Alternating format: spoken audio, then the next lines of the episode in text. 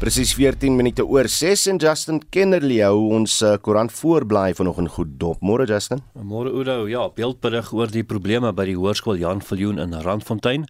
Ras twis by skool kook oor, lui die opskrif. Nou 'n bekleierery by die skool tussen leerders was glo rasgedrewe en die LER vir onderwys, Panyaza Lesufi, het die skool besoek en sê rasisme is 'n probleem daar en hy sê die menseregte kommissie sal die saak ondersoek en hierdie kwessie is ook wyd bespreek op sosiale media onder die hitsmerk Jan Viljoen. Die burger se voorbladberig fokus op die debat oor die staatsrede. Lê los bom oor Malema en Sitole staan groot geskryf. Die minister van polisie beweer daar was 'n sameswering om hom uit sy pos te verwyder. Nou News24 fokus ook op die berig en skryf Malema het uh, hy lê uitgedaag om die beweringe in die openbaar te maak, iets wat hy sê hy sal doen. In die Cape Argus plaas die fokus op die Wes-Kaapse premier Ellen Wendy se provinsiale rede. Opposition gives Premier Ellen Wendy a to-do list ahead of State of Province address. Nou uh, die staatsrede of die provinsiale rede eerder vind vandag plaas. En polisielede bang in hul mirasiestasie skryf die Volksblad bo 'n foto van 'n gehawende gebou met stukkende vensters. Dit is Bloemfontein se Parkweg polisiekantoor wat uh, al 3 weke lank sonder krag was. En personeel moet uh, self toiletpapier werk toe bring en moet selfs op eie onkoste ink vir die kopieermasjiene en drukkers koop. 'n groot probleem daar. Lyk my, lyk my park vir hierdie park, hierdie polisiekantoor is ook die grootste in Bloemfontein. En dit was Justin Kennerly met die nuusoorseig. Treindienste word steeds as 'n noodsaaklike deel van enige soort herlewing van die ekonomie beskou. Nou die nuus dat die luukse blou treindiens tot verdere kennisgewing opgeskort gaan word, kom as 'n terugslag.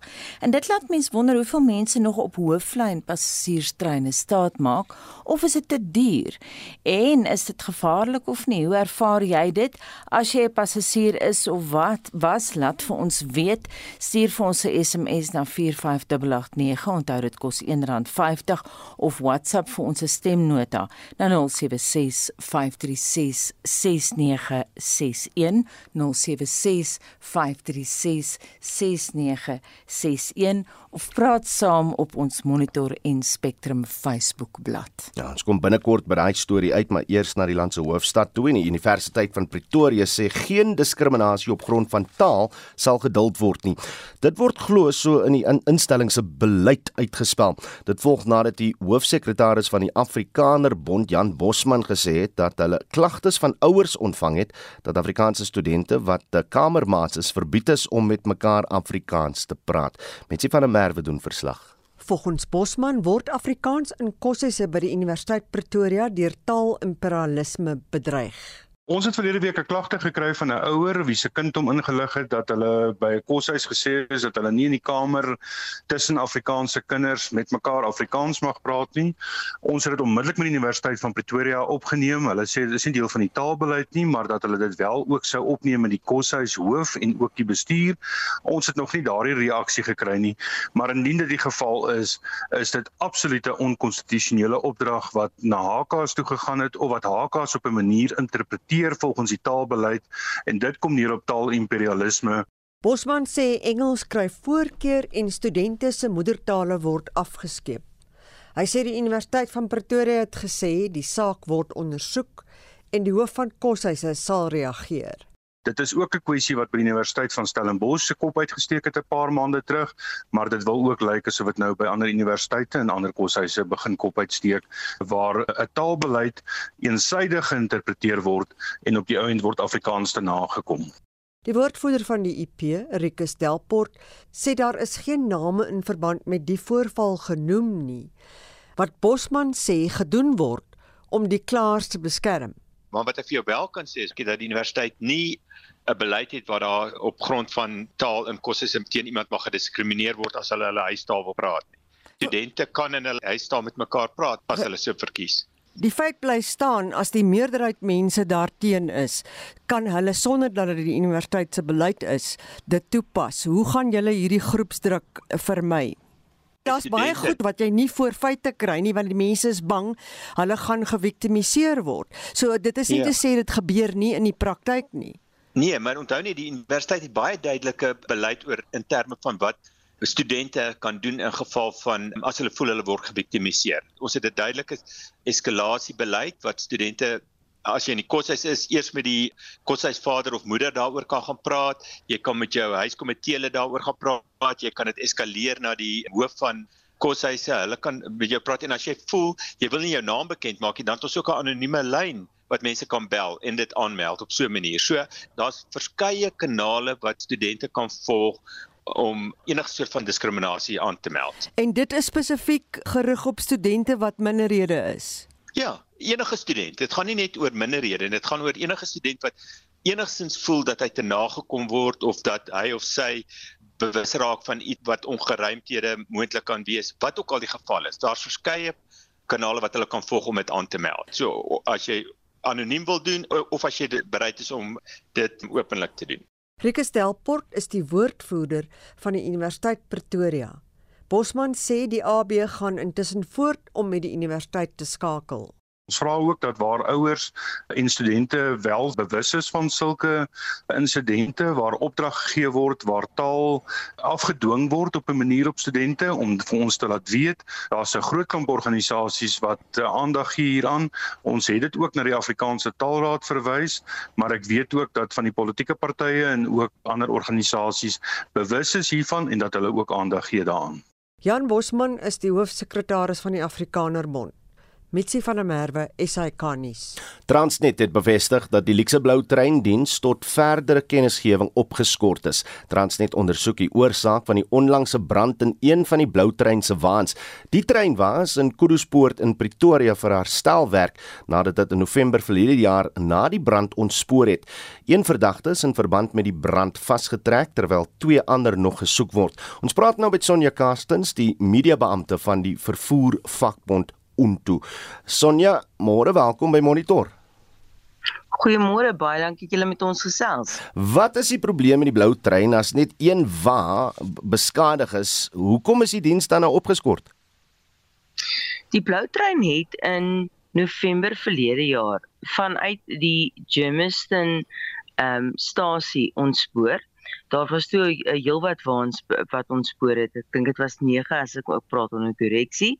En toe was daar weer 'n insident in Januarie vanjaar by die Blouvrein se depo in Salwekop in Pretoria waar daar weer 'n voorval was van van ontsporing. So daar was daar was daar was twee voorvalle waar tydens waans beskadig is. Hierdie waans is toe herstel by Kudu Spoort in Pretoria ja. waar dit by Transnet Engineering besig was om um, in die in die pakhuis herstel te word. En een van hierdie waans het toe aan die brand geste, uh, geslaan verlede week. Nou daar was 'n voorval van kabeldiefstal. Die vermoede is dat die trein aangeskakel was en dat die kabel toe gesny is. Met ander woorde 'n lewendige kabel is gesny. Dit het vonke veroorsaak wat veroorsaak het dat die waan die brand slaan, maar die ondersoek is nog steeds in die gang. So, wat sê bestuur van die blou trein? Hoe lank gaan die herstelwerk vat? Hoe lank voor uh, die diens weer aanlyn kom? Dis nie 'n kwessie van dat daar nie ander waans is nie. So met ander woorde, daar is genoeg waans, hulle kan hmm. nou voortgaan met die diens. Maar wat ons hier sien en wat wat wat uiters kommerwekkend is, is ons het drie voorvalle binne 'n kwessie van 2 maande wat ongelooflik vreemd is. Hmm. Daar word vermoed dat nie net die blou trein nie, maar maar die hele reeks um, insidente waar wat by Transnet gebeur het oor die afgelope 2 jaar dalk aan sabotasie verband kan hou. Nou dit dit mag vreemd klink, maar ons moet kyk na die Sondekommissie se versag oor staatskaping en daarvolgens was Transnet verantwoordelik vir 72% van alle staatskaping ongeruimde transaksies. So daar mense mense kan aanvaar dit is nie net die 5 mense wat deur regter Zondo geïdentifiseer is wat betrokke was nie. En ehm um, daar is moontlik dan nog ander vrot appels wat in Transnet is.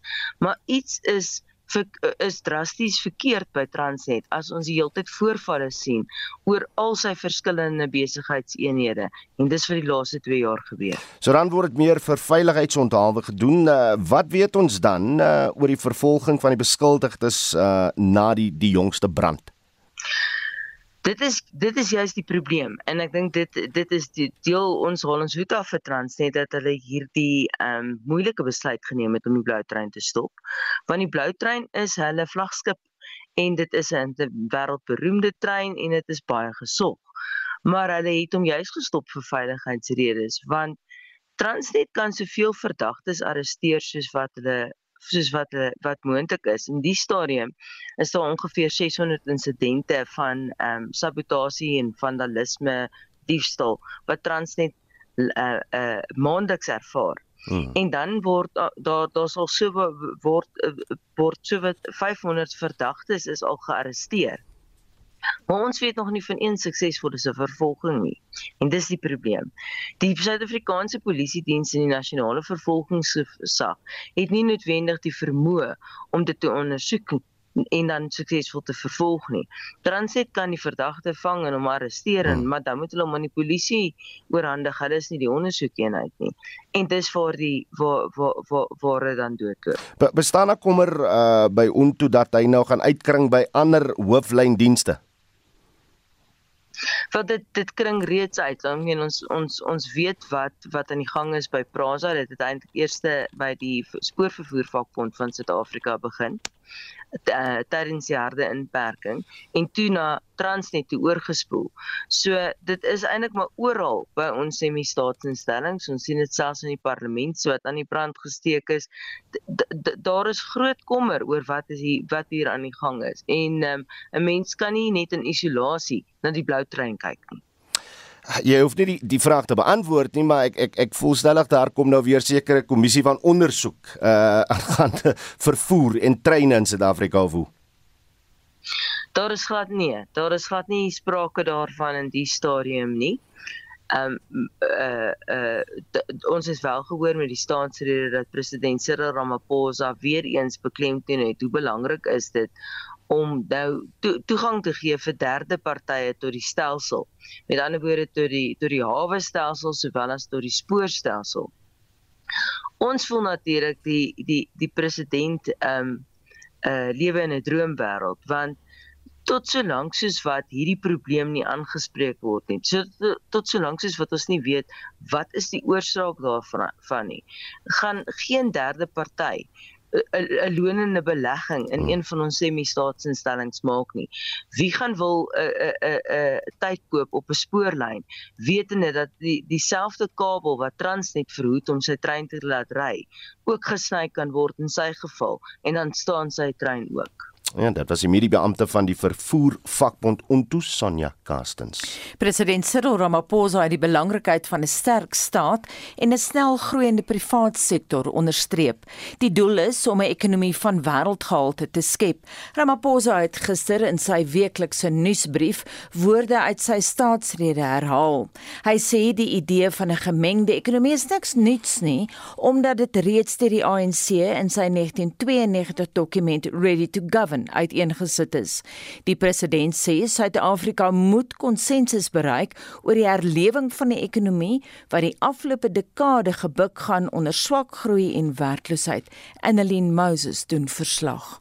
President Cyril Ramaphosa sê in sy brief daar is geen keuse tussen 'n sterk ontwikkelende staat en 'n lewendige privaat sektor nie. Die land het albei nodig vir 'n floreerende ekonomie. Ramaphosa sê staatsinstellings is 'n belangrike dryfveer vir indiensneming en groei moet dus versterk word. Terselfdertyd is die regering reg met maatreëls wat klein, medium en mikroondernemings sal ondersteun deur belastingkortings, toegang tot finansiering en regulatoriese wetgewing. Die minister van Finansies en ook voorsitter van die ANC se ekonomiese subkomitee, Enoch Godongwana, stem saam. Marcus economics suggests that the bulk of productive activity in the economy is largely business and private sector, and therefore we've got to create a conducive environment to that. Die DA is positief oor die beginsel van 'n gemengde ekonomie met 'n uitgebreide privaat sektor. Die DA-leier John Steenhuisen het so op die staatsrede gereageer. I'm delighted that for the first time now, we have an ANC president admitting that the statist approach is not going to get growth and that you need the private sector. And announced some of the things the DA has been talking about for years cutting red tape, involving the private sector, opening up the economy more, realizing that the state cannot drive growth in South Africa or create jobs. So, this is a major shift. Die IDM is egter nie beïndruk nie en sê die president het 'n neoliberale posisie ingeneem. Die IDM LP Ngabalomzi Kwankwa The two can't coexist well together. It's either you want to have a developmental state where the state intervenes decisively in the economy, or do you want to serve the role of a meter grader at a financial institution where all that you do is to show people where consultants are sitting and where you go for loans. Die EFF het op sy beurt die president se uitlatings ten sterkste veroordeel, veral die aanstelling van 'n span om regulatoriese hindernisse te hersien. Die span sal gelei word deur die voormalige mynbaas Sipong Kossi. Sy mandaat is om saam met regeringsdepartemente te werk en dit wat in die pad staan van beleggings en groei uit die weg te ruim. Die EFF-leier Julius Malema sê dit is 'n mosie van wantroue in die minister van kleinsaake ontwikkeling. There's also passed a motion of no confidence on himself after promising so many millions of jobs. Now he says government cannot provide jobs. Jobs must be provided by the private sector. And in the manifesto of the ANC, which made him a president, committed jobs. So generally, they've outsourced the responsibility of governing our people into a private sector. Die vakbond Federasie Kusatu het ook die president se standpunt gekritiseer.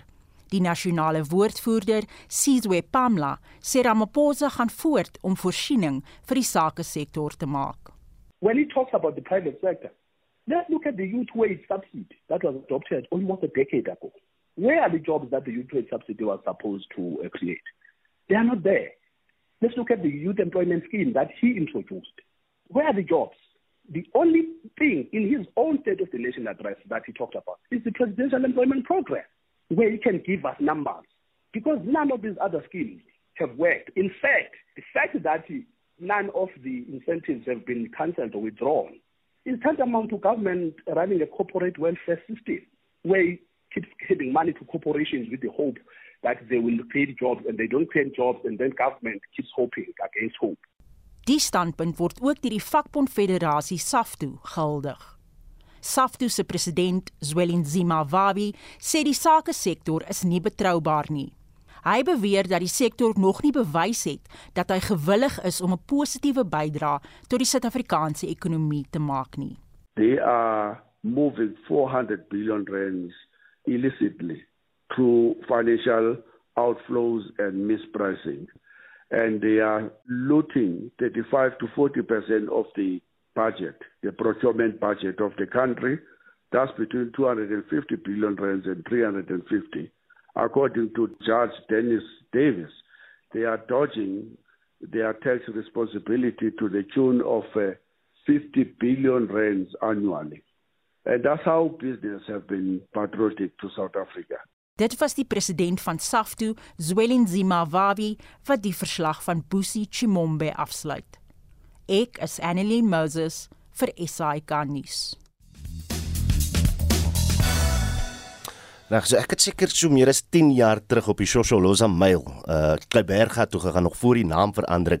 Uh was dit die beste ervaring? Ek het skaars my kossies neergesit toe kom die maatjies maar om saam te eet net so 'n paar sekondes later. So, wat is jou ervaring van 'n uh, hooflyn uh, passasierstreine in Suid-Afrika? Wat sê die luisteraars, Justin? Wel, Koos Karol sê hy sê wel hy sê dis baie duur. Hy vlieg maar eerder. En Heinrich Müller sê die hooflyntreine is nie regtig hier of daar nie want daar is dis maar 'n klein gedeelte van die mense wat daarvan afhanklik is. Hy sê die groot probleem lê eerder by Prasa wat nie genoeg treine op daaglikse grondslag verskaf sodat mense by die werk kan kom en die ekonomie so aan die gang kan hou nie. En Edward Shaw sê ek het jare terug, dis nou 1969 tot 1976 treine gedryf Dit was toe 'n eervolle loopbaan. Dis kommerwekkend toe dat hierdie nuwe regering se mense ons grootste ekonomiese vervoer vernietig het skryf vir Edward. Nou tot selfs die blou trein word nie eens gespaar nie. Uh ja, jy kan maar saamgesels op ons SMS lyn by 45889. Dit kos R1.50 per SMS of gemaak dit raai by die Monitor en Spectrum Facebook bladsy facebook.com vorentoe skynstreep ZARSG en daar kan jy dan ook saamgesels. En nou gaan ons na die buiteland. Oekraïne het 'n vergadering met Rusland aangevra oor die spanning op die grens en die internasionale oproer oor 'n moontlike militêre inval waaroor ons nou al die afgelope maand praat. Intussen is die Duitse leier Olaf Scholz in die streek vir vergaderings met die betrokke rolspelers in 'n poging om die situasie te ontlont. Vir sy ontleding praat ons nou met die politieke wetenskaplike Roland Henwood van die Universiteit van Pretoria. Goeiemôre Roland. Goeiemôre Anita. Oekraïne se minister van buitelandse sake Dmytro Kuleba sê die Russe ignoreer alle formele versoeke om oor die situasie te praat. Hoekom? Rusland wil nie met die Oekraïne in 'n direkte gesprek hê nie want dan basies erken hulle die een beginsel wat hulle sover ont, verontagsaam het en dit is die reg van Oekraïne om as 'n soewereine staat op te tree. En dit lê ten grondslag van baie van die probleme. Die dit lyk of die uiteindelike doelwit van president Putin is om Oekraïne terug te bring onder die invloedsfeer van Rusland, maar nie net terug te bring in die invloedsfeer nie, baie meer direk beheer uit te oefen. Ehm um, baie soos wat die situasie is in van die ander ehm um, voormalige Sowjetunie satellietstate wat nou teruggebring word en waar Russiese troepe ontplooi word en waar binnelandse onrus eintlik vanuit Moskou beheer word en nie meer vanuit hierdie state self nie. En en en die ehm um, verskoning wat gebruik word of die rede wat aangevoer word en dit daar is legitimiteit in die bespreking natuurlik is dat Rusland is baie bekommerd dat Oekraïne deel word van NAVO en dat dit dan NAVO se invloedsfeer uitbrei tot letterlik op die voorstoep van Moskou. En en dit kan die Russe nie vir klaar ehm um, aanvaar nie. Ehm um, hulle kan hulle self nie indink om in so 'n wêreld te leef nie.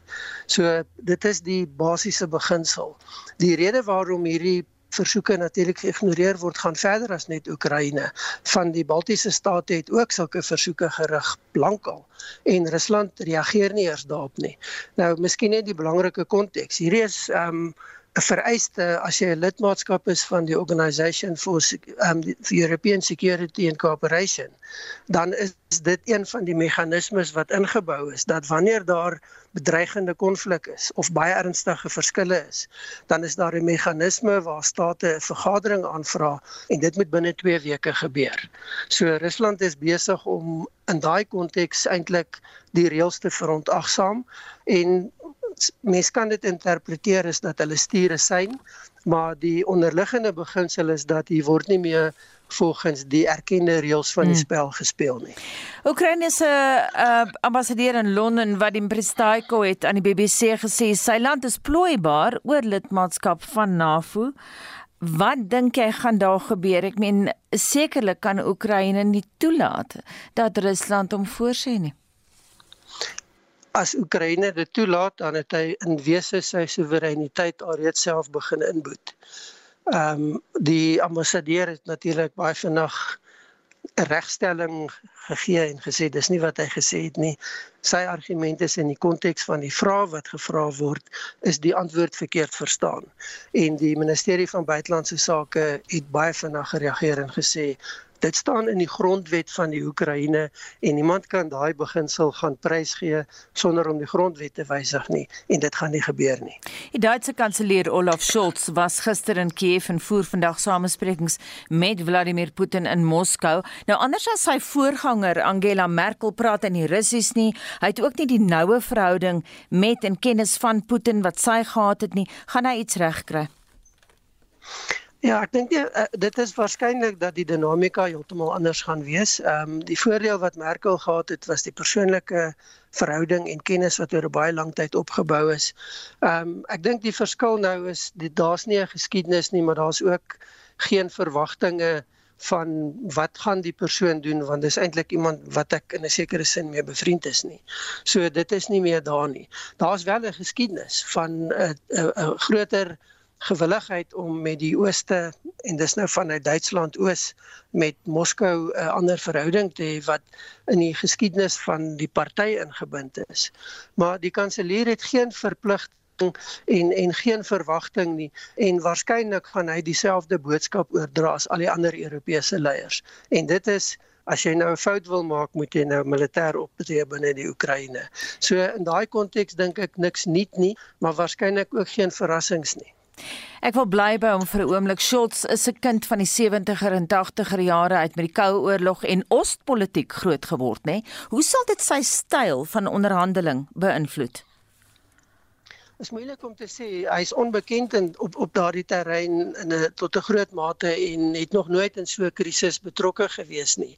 As 'n mens gaan kyk histories, dan het sy party die politiek gehandhaaf van 'n bietjie meer openheid, kom ons trek die mense in. Maar dan moet ons onthou dit was in die konteks van Oos-Duitsland en die verdeelde Duitsland. Op die stadium is dit waarskynlik dat hy die Europese lyn gaan volg en dat daardie historiese konteks nie werklike invloed gaan uitoefen en hom nie gaan maak om byvoorbeeld heeltemal iets anders te doen nie. Ek dink die druk wat hy gekry het as gevolg van Duitsland se onwilligheid om wapens aan Oekraïne te gee, soos wat omtrent al die ander Europese state gedoen het en al die ander NAVO-lede. Hmm. Het alreeds vir hom probleme geskep. En dan natuurlik binnelands het mense begin vra maar waar is hy? Want niemand weet van hom en niemand hoor van hom nie. Hy's joop stil. En toe het hy begin met eerstens sy um, besoek aan Oekraïne en vandag sy besoek in Moskou. Hoe belangrik is die interne politiek in Oekraïne in terme van die huidige magspel Dit is belangrik. Ehm um, ek dink dit is iets wat 'n bietjie op die agtergrond geskuif is, maar ons moet onthou dat Oekraïense politiek is 'n politiek van onstabiliteit. Ehm um, die stabiliteit wat 'n mens nou sien is eintlik nie die normale politiek nie. Ehm um, dis 'n politiek waar geweldige kompetisie tussen uiteenlopende elites is en dan natuurlik is Oekraïne een van die state wat baie groot probleme het met korrupsie, met grootskaalse korrupsie. Mm. En en dan kan ons teruggaan 2014 die opstande wat gelei het tot die vervanging van die president wat 'n pro-Russiese president was. Hy's letterlik uitgedryf. Die verkiesings wat gevolg het en dan uiteindelik die verkiesing van die huidige president Zelensky wat meer openlik Europese bande soek en meer openlik NAVO-ondersteuning en NAVO-lidmaatskap soek en dit het hom natuurlik in konflik gebring met Moskou. Baie dankie en so sê Roland Henwood van die Universiteit van Pretoria. Sommige inwoners van Pretoria het die stad Tshwane se veldtog om nie betalende kliënte se dienste te skaak verwelkom. Die Hitsmerk Tshwane Yatima veldtog wat verlede week begin is, het verskeie sakeondernemings en regeringsdepartemente wat die stad miljoene rande skuld se dienste beëindig. Die stad Tshwane word sowat 17 miljard rand geskuld. Metsi van der Merwe het meer besonderhede. Die stad Tshwane het gister voortgegaan met sy aggressiewe skuldinvorderingsveldtog wat nou ook huishoudings teiken. Die veldtog het heelwat sakeondernemings se dienste gestaak. Dit sluit in die Sheraton Hotel wat 23 miljoen rand skuld en 32 regeringsdepartemente wat die Suid-Afrikaanse Nasionale Weermag, Hoër Onderwys, Water en Sanitasie asook die openbare werke insluit. Sommige inwoners sê hulle is bly dat die stad uiteindelik almal gelyk behandel.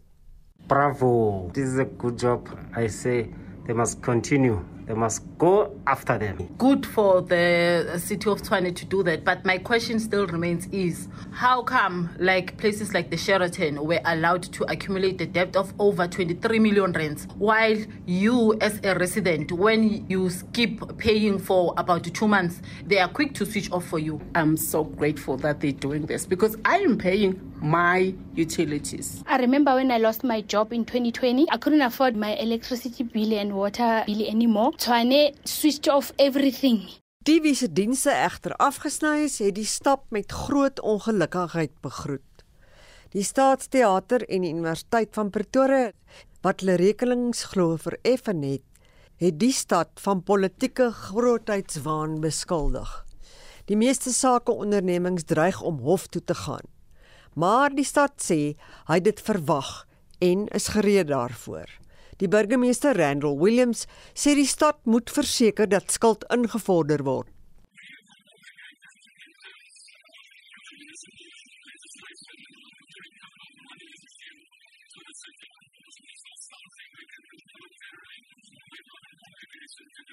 Terwyl die oppositieparty, die EFF, die veldtog verwelkom het, doen die party 'n beroep op die stad om sy kontrakte met die skuldinvorderingsmaatskappye te kanselleer wat in 2020 aangestel is om die geld in te vorder.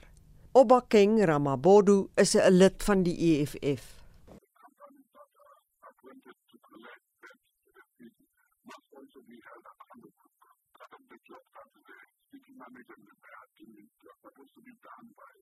companies that got appointed, 34 companies, agencies were appointed into this kind of issue. Some people and they are saying upon their arrival in uh, 2020, they got the city having a debt of 20 billion. Now we are on 20 billion. It looks like they are failing and they can't do their job. Sakeondernemings waar dienste verlede week gestaak is, skuld die stad sowat 420 miljoen rand, terwyl die stad Vrydag betalings van 148 miljoen rand ontvang het. Die volgende teiken is huishoudings wat volgens die stad sowat 8 miljard rand skuld. Pumzili Mlangeni het hierdie verslag saamgestel. Mitsi van der Merwe, SAK nuus. En nou weer eens buitelandse nuus. President Tayyip Erdogan van Turkye het sy land se naam verander van Turkye na die Turkse Turkye. Nou vir die moontlike motief daar agter, praat ons nou met professor Dirk Kotse van Unisa se departement politieke wetenskap. Goeiemôre Dirk. Goeiemôre Anika. Ons het nou al hierdie naamsverandering gesien met Swaziland wat Eswatini geword het, maar hoekom dink jy het Erdogan dit nou aangekondig? Wel dit is 'n uh, besluit wat al 'n redelike tyd gelede deur die handelsgemeenskap, die besigheidsgemeenskap van Turkye geneem is.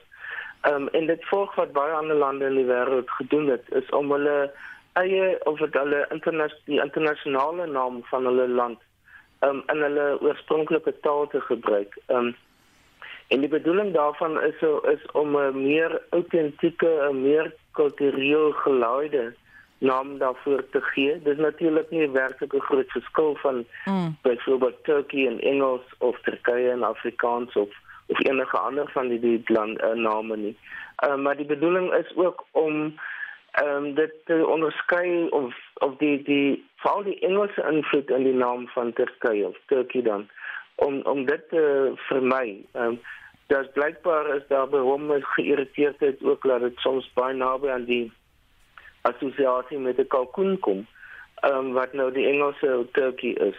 Ehm um, en dat hy dit dis eerder wil hê dat dit moet die 'n spesifieke identiteit ontwikkel wat universeel is wat dan was oor die wêreld op dieselfde manier eintlik gespel word die die die uitspraak daarvan eh uh, verskil regtig baie min. Jy praat van die Turkse sakegemeenskap wat 'n rukkie gelede al die uh, boodskap gesteun het en so aan. So kan mense aanneem dat Erdogan met hierdie stap die steun van sy landgenote het. Ek praat nie hier net van die sakegemeenskap nie, Dirk.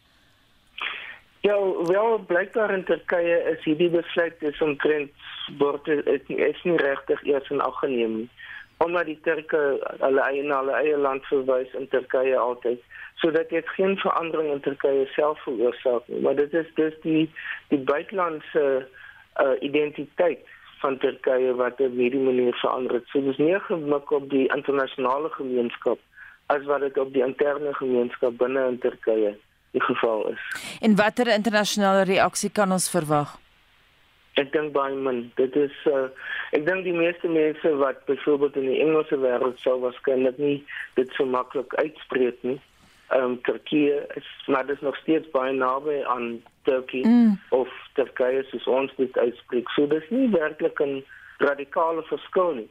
Daar's baie lande in die wêreld wat hulle name verander het, vir byvoorbeeld Persië na Iran toe. Mm. So jy het nou gepraat van Eswatini um, in Swaziland wat nog steeds dieselfde beteken, maar nou in die, in die, is in Swati. Um, of lande soos byvoorbeeld die DRK of lande rondom ons soos Botswana en Lesotho en Malawi wat hulle hulle name heeltemal verander het na onafhanklik wording. So dit is nie in dieselfde kategorie nie, maar dit is eerder soos ek sê om om die Turkse naam die universele globale internasionale naam daarvan te maak. Baie dankie en so sê professor Dirk Kotse van Unisa se departement politieke wetenskap. Justin, het jy daar nou uh, nog treinpassasiers onder ons luisteraars gevind? Uh, ek het daarom ja, soos Renshaw Maslow Maasdorp wat sê dis nie die prys soseer wat mense afsit nie, dis ander faktore soos onbetroubaarheid. As jy gelukkig is dat die trein amper betyds is, dan gaan staan hy in die middel van die Karoo vir ure op 'n slag of mens word geroof by die stasie skryf sy soos Bloemfonteinstasie is op die vieslikste plek en uh, laasens die prys is soms duurder as vlieg. Henry McDonald skryf in die omgewing waar ek woon, en dis nou Bredavallei in die Weskaap, is die Transkaroo sneltrein vir etlike jare reeds met die Shozaloza myl vervang, Maar nou het die Shozaloza ook verdwyn. Die blou trein op pad na Kaapstad is ook spoorloos en selfs goedere treine word nie langer gesien in sy omgewing. Nou Henry en uh, Dani Lou het hulle gesprek op ons um kommentaar gehad. Um uh, Dani Lou sê uh, sy ervaring van die verlede is ongeldig en nie meer relevant. Dis heerlike herinneringe, maar 'n pyn in die hart wat nou aangaan. Hy skryf goodbye blou trein, Transkal Roe, Transnatal en Oranje snel. Maar my wonderlike kleuter en kinderjare herinnerings tussen treine, tussen stasies en tussen spore, mm, saam met mm. my pa en broers en die gaan optel van die tablets sal nooit verdwyn nie so ook nie die klop van die hamer teen die treinwiele nie. Dani Lou se herinneringe daar wat hy met ons deel. En Jock, niemand sê uh, ons slaan die bal mis. Dis nie te duur nie. Dis net uh eenvoudig onbetroubaar. By die kabels wat so gesteel word en spore wat vernietig word, is die kans goed dat jy 'n week laat by jou bestemming gaan uitkom of glad nie. Hy sê jy is dalk dood van spoorsabotasie. En dan Jopie van Vryheid skryf daar is nog hooflyntreine soos byvoorbeeld uh, Durban en Kaapstad toe, maar ongelukkig het misdaad op die stasies en selfs op die ritte 'n probleem geraak. Die tariewe is bekostigbaar, selfs om in 'n eerste klas kajuit te reis, maar gewis nie meer so veilig as jare terug nie.